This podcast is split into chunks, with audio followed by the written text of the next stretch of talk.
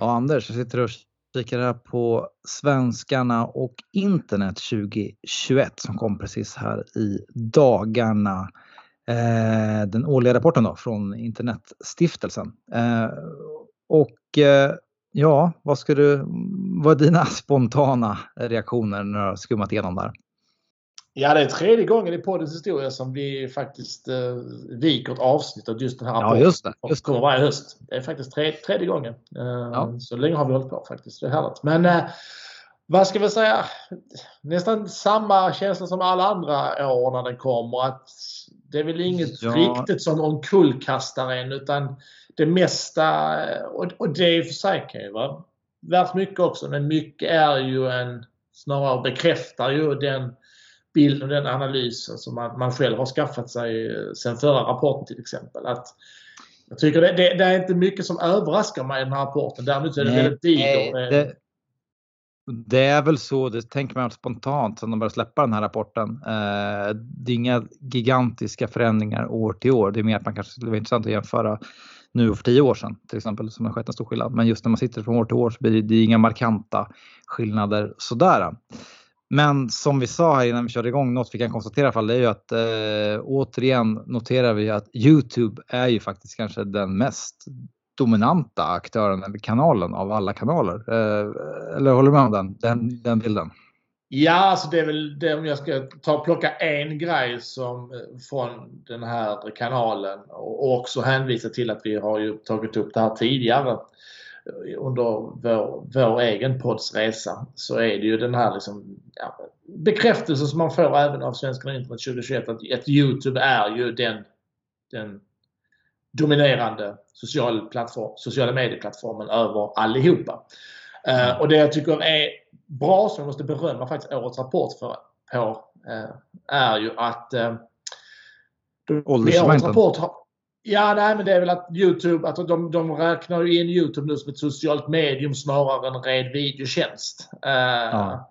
Och uh, det tycker jag är väl en av de, de mest positiva sakerna med årets rapport. Liksom, att de, de, faktiskt kategoriserar Youtube som, som det sociala medium som det faktiskt är. Uh, och de har ju också kortat ner sig lite mer i Youtube och, och jämför det betydligt mer med andra sociala medier än, än tidigare år till exempel.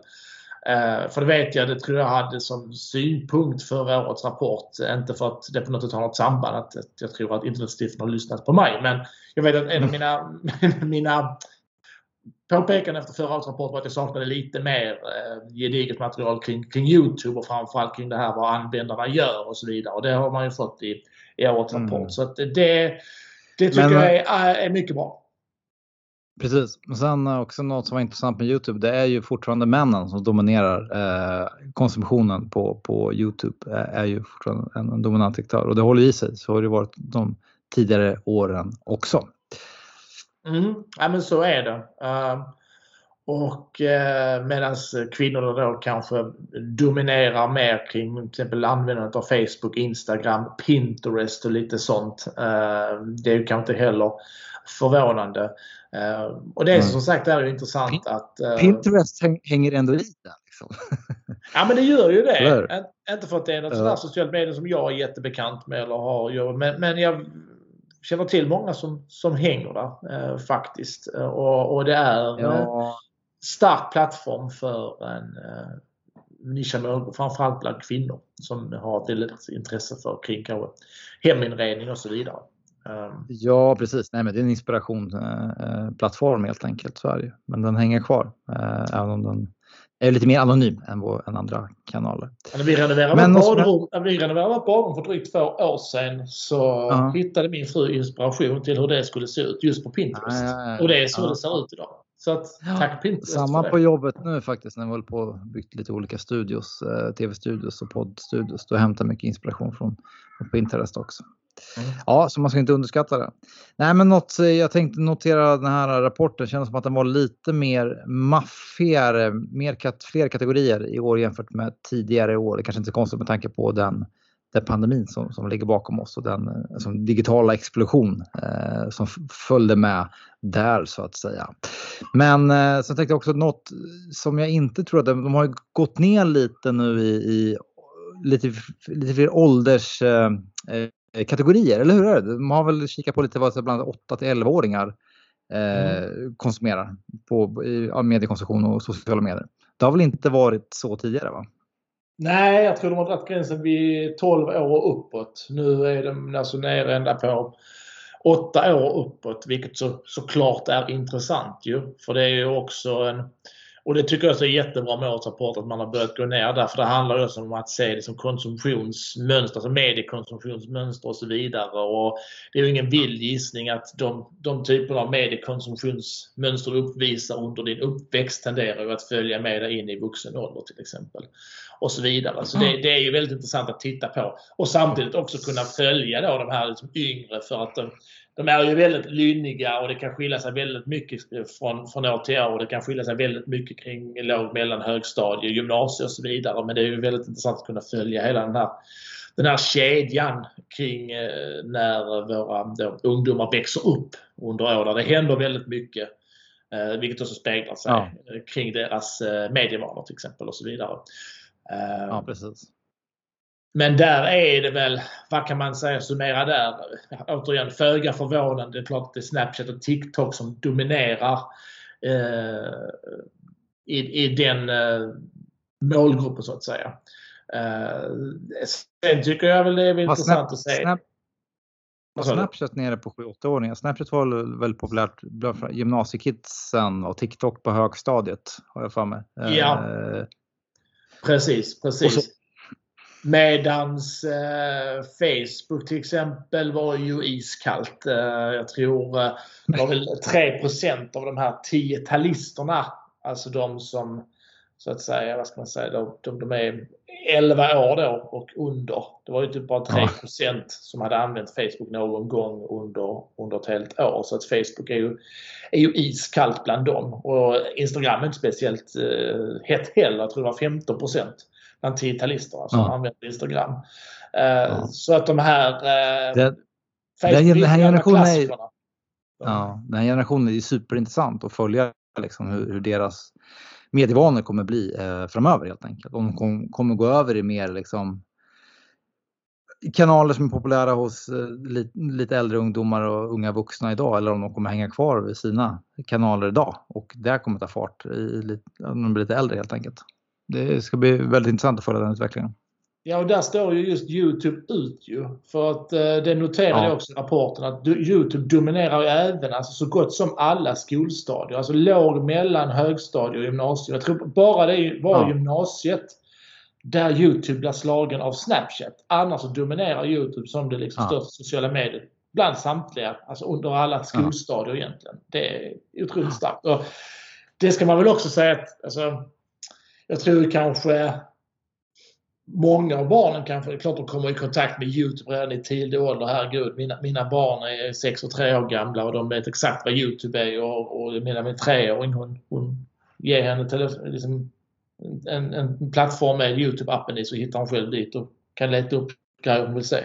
Ja. Så att det är klart de får det där. Sen tror jag också att Youtube kan ju bli en tänkte också på en, en viktig källa som de använder till exempel kring skolarbetet. Alltså man ska inte glömma bort att Youtube träffar ju till och med mot Google-söket och sitter då eleverna och jobbar med skolarbete och så vidare och söker på Google efter information och kunskaper. Det är klart att de hamnar på Youtube jätteofta till exempel. Så att jag tror att Youtube gör stor nytta för dem också. Inte bara förlustelse och underhållning utan att det faktiskt också är en väldigt viktig kanal i skolarbetet till exempel. Och och Snapchat, det slår den här rapporten fast också att den används ju typ som en sms-tjänst, alltså så som vi kanske använder sms eller som vi använde Exakt. sms när vi var unga. Så används Snapchat av den här generationen ja. idag. Det, det, är uteslutande det man gör. Men det ska också bli intressant just att se Snapchat. Eh, jag vet ju själv, jag har en tonårsdotter, hur Snapchat har ju varit liksom huvudkanalen, hängt med sedan högstadiet. Men det, det har ju viss mån, de har ju tappat en del marknadsandelar de senaste åren, Snapchat, framförallt när Instagram införde stories då för, för ett gäng år sedan här nu. Men hur, hur länge Snapchat kommer ändå hänga kvar om, om, om de här som vi snackade om, de titalisterna, vad, blir vad, vad sa vi? Om de kommer ta efter och jobba vidare med, med, med Snapchat eller inte. Det ska bli intressant att se den, den, den utvecklingen. Men hur som helst, som du nämnde, egentligen Youtube, återigen, alltså de är ju är du, hanterar du Youtube på ett bra sätt då har du stora, stora fördelar eh, i ditt kommunikation och marknadsföringsarbete. Och du gör, alltså du gör ett äkta, genuint bra, bra innehåll eh, där. Och som du nämner också, det är ju det är världens näst största sök, sökmotor efter, efter Google då, helt enkelt. Och Google äger Youtube så det är ju en enorm aktör i sig. Eh, så ja, nej men intressant. Ja, den som, ehm, säga, den som eh, han sköter, liksom, hanterar Youtube bäst och dominerar på den kanalen, ehm, den är ju liksom king and queen i eh, vårt nya medielandskap. Det är ingen snack om det. Eh, alltså, Youtube är det som kan som lätt tillskrivs till sin största värde. Att det, har du succé där så då, då är du stor. Alltså. Så att, och därför så, och det här sa vi ju liksom tidigt i poddens begynnelse lite grann det här med att vi, vi, vi liksom tycker att man bör snegla lite mer. Eh, nu kan det låta precis som att Youtube är världens enklaste kanal att ha. Det är, det är ju jättetuff konkurrens där ute. Självklart är det så. Men samtidigt så är ju möjligheterna oändligt stor, jättestora där. Eh, mycket större än vad den egentligen är på alla andra sociala medieplattformar. Och framförallt kring att jobba ja. långsiktigt. Ja, äh, precis. Jag tänkte säga det. Ja. ja att du liksom eh, organisk SEO-optimering på Youtube är ju helt oslagbart och som du säger att bygga upp tittningen på, på sikt. Jag tänker man behöver inte bara vara influencer utan man tänker att man kan, om du optimerar innehållet på rätt sätt så kan du ju faktiskt räkna ut att det kan ge ett visst antal eh, tittningar per dag. Så kan man räkna ut hur många tittningar, tusen x antal tusen tittningar det kan ge per år och det är ganska häftigt. Så, om man jämför det med Facebook eller med Instagram där bara det rörliga, det organiskt rörliga bara dör ut i, i flödet. Så att. Ja, det är väldigt, eh, vad ska man säga, från, från dag till en annan där medan Youtube är ju liksom, kan leva länge. Och, och det jag tycker också är extra intressant och, eh, och det är ju det som jag som jag också har tjatat om väldigt, väldigt många gånger och det är ju den här liksom, bekräftelsen man får i årets rapport också på det här. Liksom, vad, vad gör man då på, på Youtube till exempel? Och det, det visar ju än en gång här hur dominerande det här liksom, med underhållning och, och kunskap, att lära sig någonting är. För att, eh, av, det, av alla liksom, internetanvändarna eh, så fick de ju frågan då vad, vad de liksom, vad de har använt Youtube till de senaste 12 månaderna och där svarar 72 att de har liksom tittat på videos, filmer för nöje och underhållnings skull. Men 56% tittar på instruktionsfilmer. Eh, och de mm. två är ju de största anledningarna till att man gör det. Sen kommer på tredje plats då att lyssna på musik eh, på 49% till exempel. Men långt, långt ner på listan det här är intressant om vi då liksom pratar om att konkurrensen är, är mördande på Youtube. Ja, det är klart att Youtube är en global plattform som, som är otroligt stor. Men samtidigt så uppger bara 3% av de svenska internetanvändarna att de skapar egna filmer och lägger upp. Uh, mm. Det är ju väldigt lite uh, av alla som använder Youtube som faktiskt bidrar med något innehåll själv utan stort alla är ju ja, konsumenter sen. Så är det ju, så är det ju. Sen är det ju som du säger, man, att de kul att de klassar Youtube nu som mer social, social kanal. För, för det är ju det, det är ju en grej också just i kommentarsfältet. Förstår du? Det, det är ju en, en, en grej där att kunna få exempelvis så många likes på, på sina kommentarer där genom fyndiga, roliga, finurliga kommentarer på, på olika sätt. Så det är ju liksom, det blir en vad ska man säga, en egen vegetation eh, i, i, sig när det gäller Youtube. Det tycker jag är intressant att kika på också. Mm, och sen tror som nämnde också var, tror var, var fjärde eh, person prenumererar på en kanal. Eh, det kunde mm. kanske ha varit någon mer, eh, några, några hack upp. Men, men det jag framförallt också slogs av att endast 2% uppger att de tar del av innehåll från någon av Youtubes mm. premiumtjänster till exempel. Alltså det som du vet, kostar pengar. Vet du vad jag skaffade? Jag skaffade faktiskt Youtube Premium här för några månader sedan. Mm. Kan du ge en Kraftigt värt faktiskt. Ja, jag tycker det är helt fantastiskt. Helt fantastiskt. Jag, jag är ju riktig Youtube-junkie. Jag kan ju sitta och fastna framför Youtube liksom, timmar på kvällarna när, när man, alla bestyr för dagen är klara så att säga. Och jag tycker det är så skönt att slippa den här eh, reklamen innan på, på olika sätt. Och man har möjlighet också kunna spara ner, spara ner filmer på olika sätt och kunna spela upp det sen i, i uh, offline-lägen och sådär. Och, ja, det, ja, men det är en markant skillnad. Du bara kommer in direkt och kör och slipper ja, med reklam under filmer också. Så jag, jag tycker det är jätteskönt. Så det är 100 spänn i månaden eller vad det är. Kanske inte ens där 80 spänn. Det tycker jag är kraftigt värt. Det är som en Spotify-prenumeration och det har ju i stort sett alla som använder Spotify-prenumeration. Det är därför Ja, också just det. det, det, just det. Det är skitbra också med, med... Vad sa du? Men det är därför jag blir förvånad att bara 2% i den här undersökningen uppger att de använder Youtubes premiumtjänst. Jag tror det ska vara betydligt, betydligt fler. Och inte minst med tanke på den här liksom, eh, hur irriterad och, och eh, vad ska man säga, påtaglig den här reklamen har blivit kring Youtube. Man är så, jag, jag, tror man är så van med det, liksom, att det är så när det gäller Youtube. Alltså, man har inte varit öppen för, för det.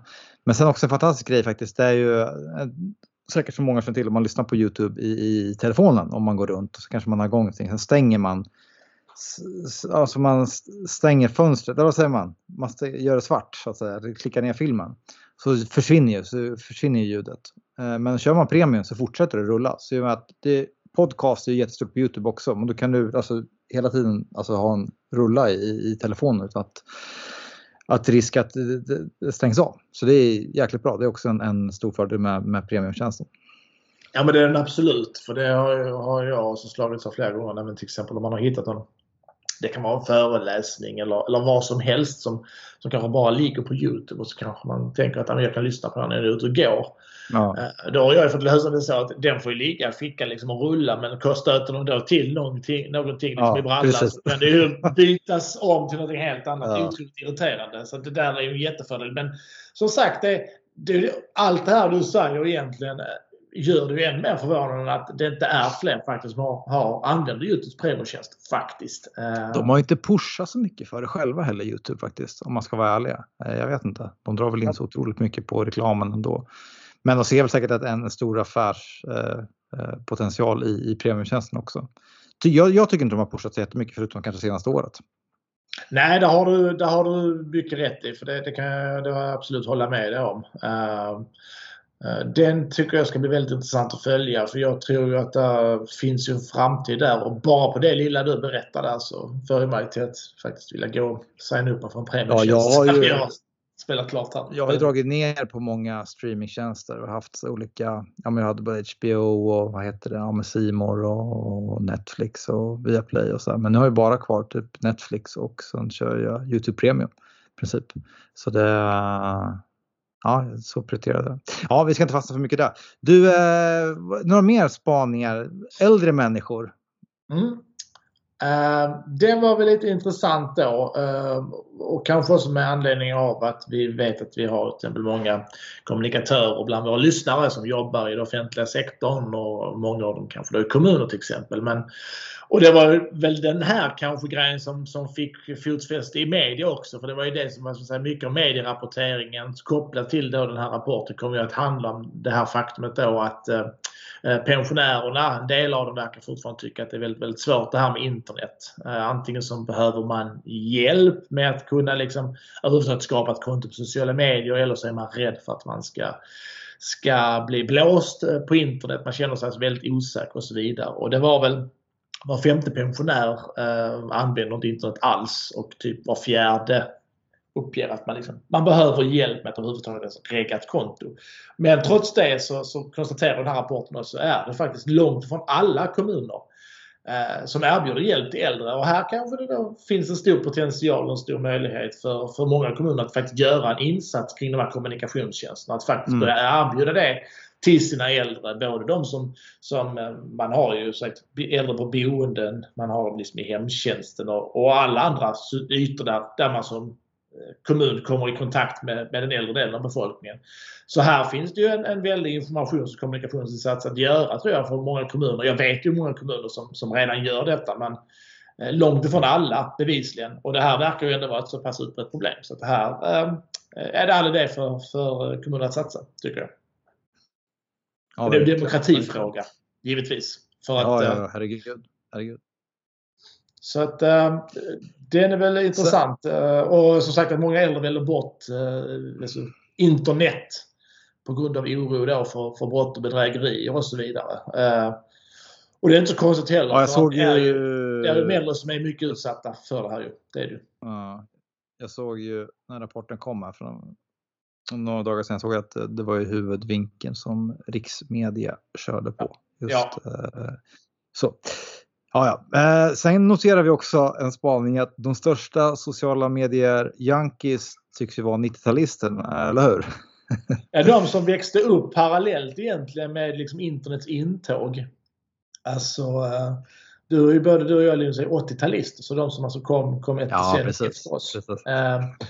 För det är ju de som, eh, vad ska man säga, som som är de som lyssnar mest av alla på poddar. Det är de som tar del av streamingtjänster mest. Det är de som använder sociala medier mest. Ja, de som e-handlar precis, mest. Det kanske var ja, det kanske var fel om jag säger sociala medier, men största digitala mediekonsumenter. Eh, ja. Medie-junkies, 90-talisterna. De tycks ju toppa många, många, vad heter det, tabeller här. Mm.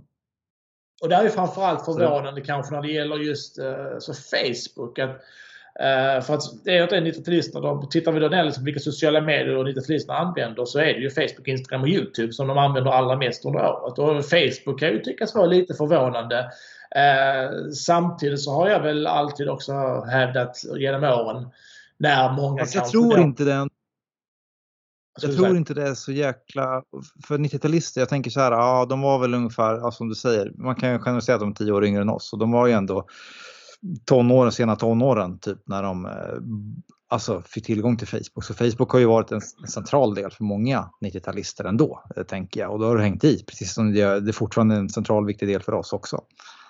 Ja men det är det jag skulle eh, komma till för det är det jag alltid har hävdat ja när, eh, man kanske har fått till sig många gånger att nej, men Facebook det är ju bara en kanal för, för gamlingar. Där finns ju inte liksom då, den yngre delen av befolkningen mer. Eh, och då brukar jag alltid säga att ja men alltså just de här som kanske är mellan eh, 20 till 35 år och så vidare. Jag har liksom alltid sett att Facebook är fortfarande väldigt, väldigt starkt där. De hänger i flödena. Bara det att de deltar inte lika aktivt längre kring att liksom just posta grejer. Och det gäller ju generellt av alla åldrar men att de, de är inte lika aktiva som, som kanske vi i generation före var när Facebook kom till exempel. Vi kunde göra 5-6 poster om dagen medan idag så deltar man liksom inte i flödet på det sättet. Man scrollar mer liksom passivt och vill hitta bra content men man är i flödet. Eh, det har jag liksom ja. alltid slagit fast och det, det slår ju det här verkligen fast fortfarande då.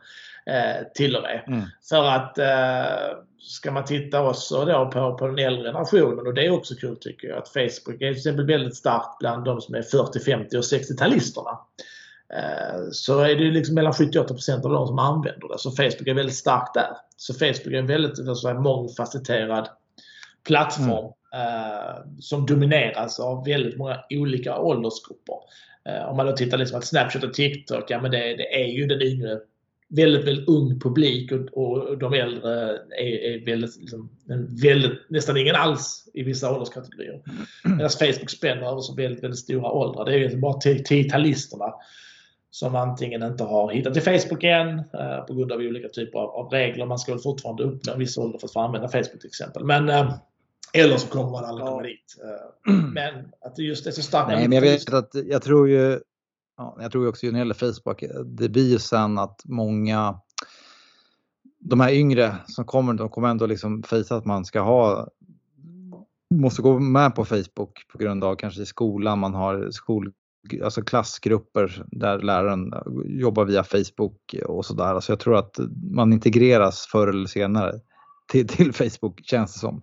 Men det ska bli intressant att se de här yngsta som sagt eh, vad, eh, hur deras konsumtion ser ut om, om ett gäng år här nu framöver. Mm. Ja, men det är onekligen spännande jag, jag tycker liksom att eh, nej, men både 0-talisterna och 10-talisterna är extra intressanta just för att de har fått det här eh, digitala med, med modersmjölken. Eh, där liksom inte har, de, de vet liksom ingenting annat eh, medan tidigare generationer ändå kan dra sig till minnes en lite mer analog värld.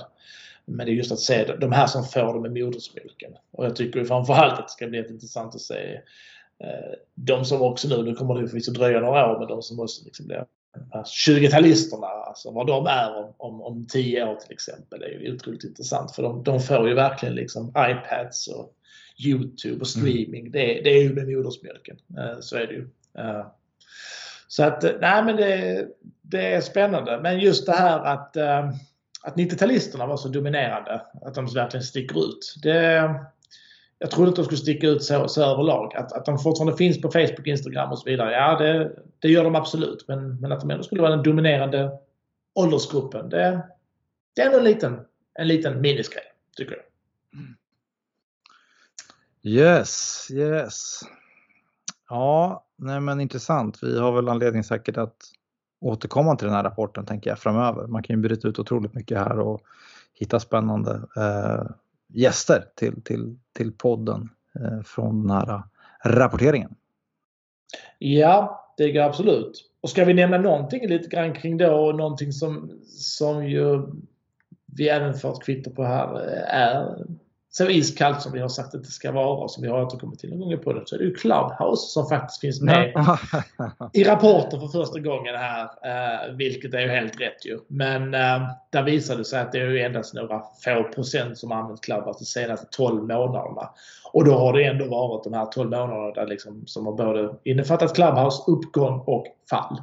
Men trots mm. allt så är det ändå bara några få procent som, som har använt Clubhouse. Så att eh, det är vad det är ankdammarnas ankdamm var det. Men eh, eh, får se om det lever kvar om ett år. Det lär det säkert göra på något på ett sätt. Men eh, no, det var en, fast de var duktiga på att sälja in hypen där när det begav sig. Men sen dog det ut ganska snabbt. Ja, det var en väldigt brant puckel får man väl säga. Liksom, som det, det, mm. det tog liksom fart i raketfart och sen bara liksom, ja, men det var verkligen upp som en sol och ner som en pannkaka. Uh, var det verkligen. Uh, sen också intressant att nämna ett medium som, som både du och jag har en liten hatkärlek till. Det är ju liksom LinkedIn. Uh, där man också ser nu att man konstaterar att LinkedIn just nu här i dagarna har nått 4 miljoner medlemmar i Sverige. vilket ju kan ses som, som rätt mycket. Det börjar liksom nära på hälften av Sveriges befolkning inte riktigt kanske. Ja, det låter sjukt. Det låter sjukt mycket, men jag vet inte. Eller? Jag, jag tycker inte det låter så mycket om man, ska, om man ska komma ihåg att de flesta reggar bara upp en profil för att vara sökbara för rekryterare och andra. Alltså det är ju en klar, klar minoritet av de här som faktiskt är aktiva eller tar del av LinkedIns alla funktioner och så vidare. Utan de flesta reggar ju upp LinkedIn bara för att finnas där ifall man, liksom, det finns rekryterare som är ute och söker och så vidare. Alltså ett sätt att kunna bli upplockad men kanske också ett sätt att kunna, kunna hålla, upp, hålla koll på jobb för att det dyker upp en hel del jobb på, på LinkedIn till exempel och man, man kan ställa in exakt vilka typer av jobb man vill få notiser om och så vidare. Så att, jag tror mycket mer det eh, gör att man, vill, att man reggar upp sig på LinkedIn medan det är ju minoritet som vi faktiskt sitter och postar allt det här i flödet ju som, som vi kanske inte heller är så glada i alltid heller eh, att ta del av. Mm. Eh, sen återigen, blir en plattform bättre för att fler använder den? Jag skulle säga att det, det finns ingen eh, vad ska man säga, samband däremellan. Det, det, det kan lika bra vara tvärtom till exempel. Eh, det är inte så att jag, jag kan på något sätt uppleva LinkedIn att den, den, har blivit bättre på något sätt för att det nu är 4 miljoner som använder den. Eh. Nej, den är ju fortfarande lite så här, det är lite mer buggig variant av Facebook kan man väl säga. alltså ser man till alltså, själva plattformen. Eh, men eh, ja, det finns ju lite mer finesser och sådär. Vi kör en del live på, på jobbet, alltså livesändningar på, på LinkedIn. Så det är ju det är intressant att utforska, utforska det.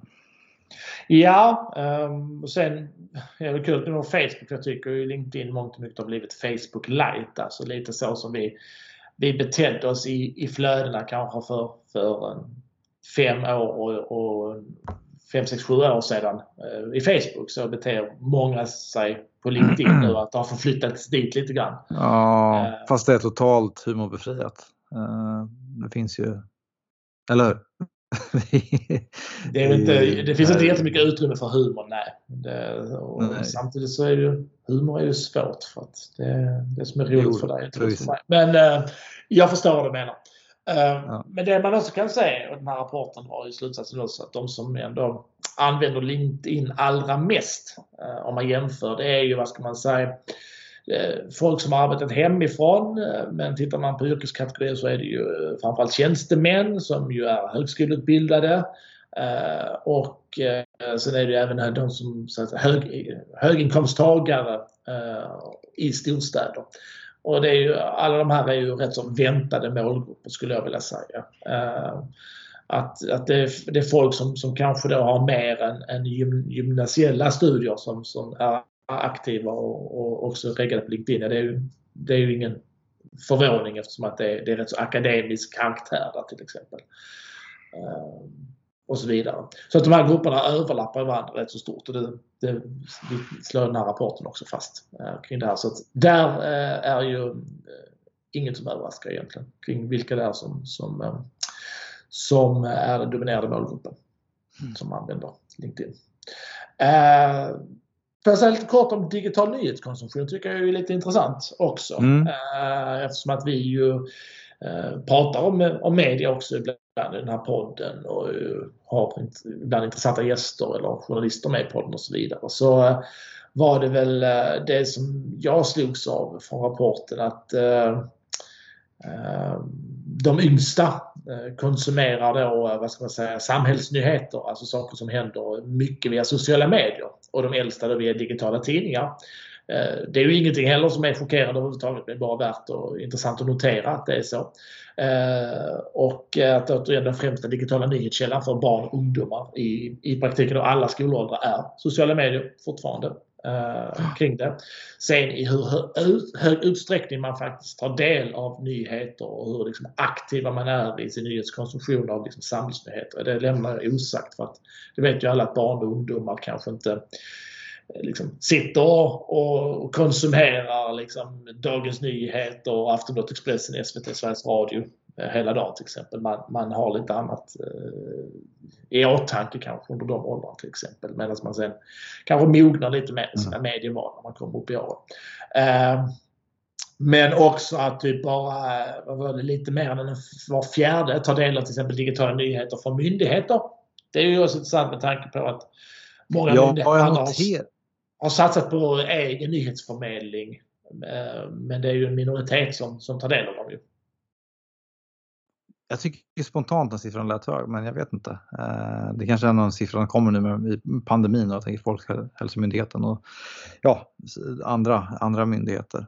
Men tycker du också den lät väldigt hög, den siffran? Ja, alltså högre än förväntat skulle jag vilja säga. Mm. och eh, sen, sen är det ju fortfarande inte... Men, men jag tror också att skulle man titta på den om nästa år, kanske några år till, så skulle den vara betydligt mindre. Jag tror precis det som du säger att eh, det har med pandemin att göra. Att man har vänt sig eh, mer till somliga myndigheters flöden för att kunna få liksom, eh, information därifrån till exempel. Medan man i, i, i vanliga fall inte tar del av speciellt mycket nyheter som, som liksom kommer från från, eh, från eh, myndigheternas egna webbplatser och så vidare. Det, är, det är ingenstans man hänger liksom för att eh, och liksom refresha flödet för att få upp de senaste nyheterna utan det har man ju som mm. sagt andra kanaler till. och vad var det mer jag tänkte på? En tredjedel av pensionärerna, om vi nu ska knyta säcken åter till pensionärerna här, så så eh, klarar de inte av att besöka en myndighets eh, webbplats på egen hand till exempel. Om vi pratar om det här att eh, en fjärdedel av dem inte ens klarar av att starta ett eget konto i sociala medier så var, fjär, var en tredjedel att de inte klarar av att liksom, gå in antingen via dator eller med mobil och så vidare på en, på en webbplats. Så där finns det också utbildningsinsatser att göra kring de här frågorna. Så att, men, eh, men samtidigt så nu har man ju tittat mycket vad ska säga, på pensionärerna. Jag vill dra mig till minnes att den här rapporten inte har fokuserat lika mycket på det tidigare eh, och det är av klarliga skäl kanske. Eh, eftersom att pandemin ju har inneburit ett digitalt genombrott för pensionärerna. Så man ska ju sätta saker i sitt sammanhang också. Hade vi tittat på de här siffrorna för för bara 3-4 år sedan så hade det varit betydligt högre andel av pensionärerna som, som inte alls hade varit på sociala medier eller hade uppgett att det var svårt och så vidare. Jag, jag vill ju tro att det går åt rätt håll eh, faktiskt och att eh, vi kanske inom en tioårsperiod eh, ser en äldre generation i Sverige som, som faktiskt använder de här digitala tjänsterna och plattformarna lika obehindrat som alla andra. Eh, och också i takt med då att det är ju det är ju, för varje liksom, decennium som går så blir ju eh, de som då blir pensionärer längst ute på så här, åldersskalan. Eh, de, för varje decennium som går så blir de ju allt mer vana vid de här kanalerna. Eh, du och jag kommer ha betydligt lättare att anamma digitala kommunikationstjänster än våra, våra, våra, våra föräldrar har till exempel. Eller hade. Så att, uh, det är värt att komma på att det, det, är sånt som jag tror blir bättre. Därmed inte sagt att man inte behöver göra en, en utbildningsinsats nu. Så det, det kan vi liksom skicka Nej, med. Det, det, är värt att, att titta på hur man har det. Mm. Ja, precis. Om tio år, då är vi nästan 50 år du och Ja, skrämmande. Nej, inte riktigt. Inte riktigt. Gött. Ja, vi, eh, det var väl lite grann om spaningen och så. Som sagt, vi skulle kunna prata en hel dag om de här sakerna, men jag tror det skulle bli hållbart att lyssna på dem. Så att eh, eh vi lägger väl en eh, länk till rapporten Svenskarna och internet i beskrivningen till det här poddavsnittet då, så, så kan man ju, ja, redan har gjort det, gå in och grotta ner sig i vad man nu vill grotta ner sig i. Det finns ju en... Ja, verkligen. Jag rekommenderar att gå in och kika här. Det finns väldigt mycket intressant att, att eh, kika på. Och den kändes mycket mer matig faktiskt än, än, tidigare år, upplever jag Men ja, många sidor. Eh, ja, eh, vad vi är tillbaka här igen om, om två veckor. Eh, vi, har, vi träffade faktiskt en väldigt, väldigt spännande gäst här om dagen när vi var i Stockholm. Eh, kanske inte ska säga så mycket mer just nu, men eh, väldigt intressant gäst. Eh, som ja, tar tempen lite på, på eh, vårt nuvarande kommunikations och medielandskap. Så det, det kommer bli ett superintressant avsnitt.